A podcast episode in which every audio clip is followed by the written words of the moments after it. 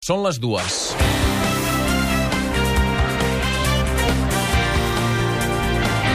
Catalunya Ràdio.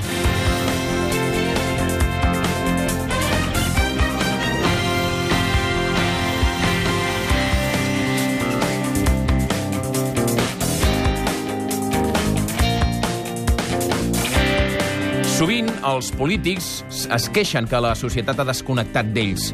Aquesta setmana estem vivint un debat d'investidura a Madrid. Magnífica oportunitat, doncs, pels polítics per poder reconnectar amb la gent però una magnífica oportunitat desaprofitada. Els discursos que hem sentit fins ara han estat més centrats a tirar-se els plats pel cap que no pas a seduir el contrari.